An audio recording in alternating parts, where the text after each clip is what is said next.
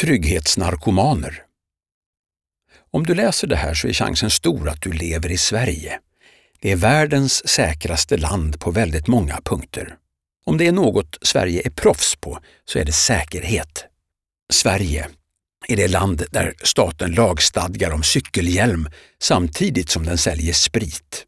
I Sverige skryts det om att vi inte haft krig på hundratals år, men det exporteras vapen för miljarder till en uppsjö konflikter världen över varje år. Sverige är med andra ord proffs på säkerhet och på dubbelmoral. Och tillsammans med Schweiz så ses vi som ett av världens mest neutrala länder. Under hela vår uppväxt bankas kunskap in med något som skulle kunna kallas för den stora socialistiska släggan. Vi skrämmer våra barn och gör dem i många fall till något som åtminstone påminner om handlingsförlamade. Vi leder in dem i en trygg anställning i ett tryggt radhus i ett tryggt område. Och du som bor i detta trygga område kan en dag bli uppringd av ett företag som vill hjälpa dig att hålla koll på var dina barn håller hus genom att sätta en GPS-sändare på dem när de beger sig hemifrån. På dagis frågar vi våra treåringar vad de ska bli när de är stora. Är det en rimlig fråga till en treåring? Vad ger det för signaler att ställa den frågan? Signalerar det möjligen att det faktiskt börjar bli dags att tänka på vad de ska jobba med? Och detta trots att det är ett faktum att de branscher som finns om 20 år och som de ska arbeta i till största delen inte ens är uppfunna ännu.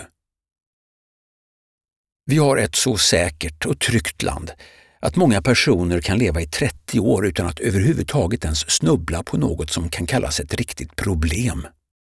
Den dag de väl ställs inför ett sådant bryter de ihop och deras lärdom är att aldrig mera göra fel igen. De vill inte uppleva samma obehag ännu en gång. I skolan finns fortfarande lärare som tydligt gör en röd markering i proven där du just gjort fel.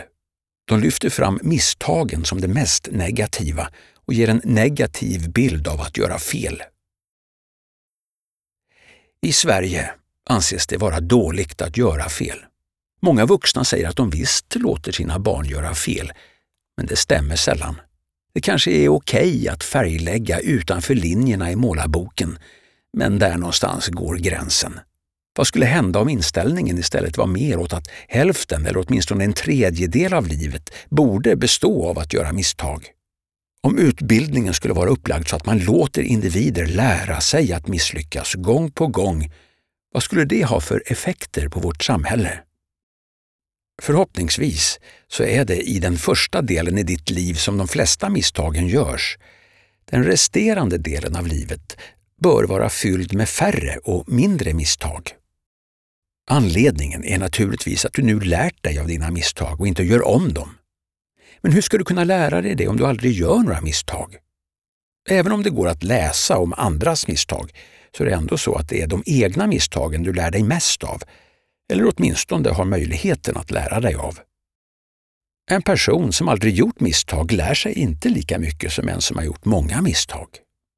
Om en person gjort många misstag i sitt liv och ändå står stark och redo för nästa utmaning är det en person som troligen är bra att ha i sin närhet. Genom att läsa om andras misstag kan du naturligtvis undvika att göra samma misstag men det ger dig inte den egna erfarenheten. Och den är bra att ha och kan vara avgörande oavsett vad du tänker bli i livet eller oavsett vad du tänker skapa. Nu tänker vi inte uppmana dig att gå ut och göra massor av misstag, men däremot vill vi uppmuntra dig att våga testa saker som du inte har gjort förut och därigenom ta risken att göra misstag. För som vi tidigare skrivit, tar du inga risker så vinner du heller inget.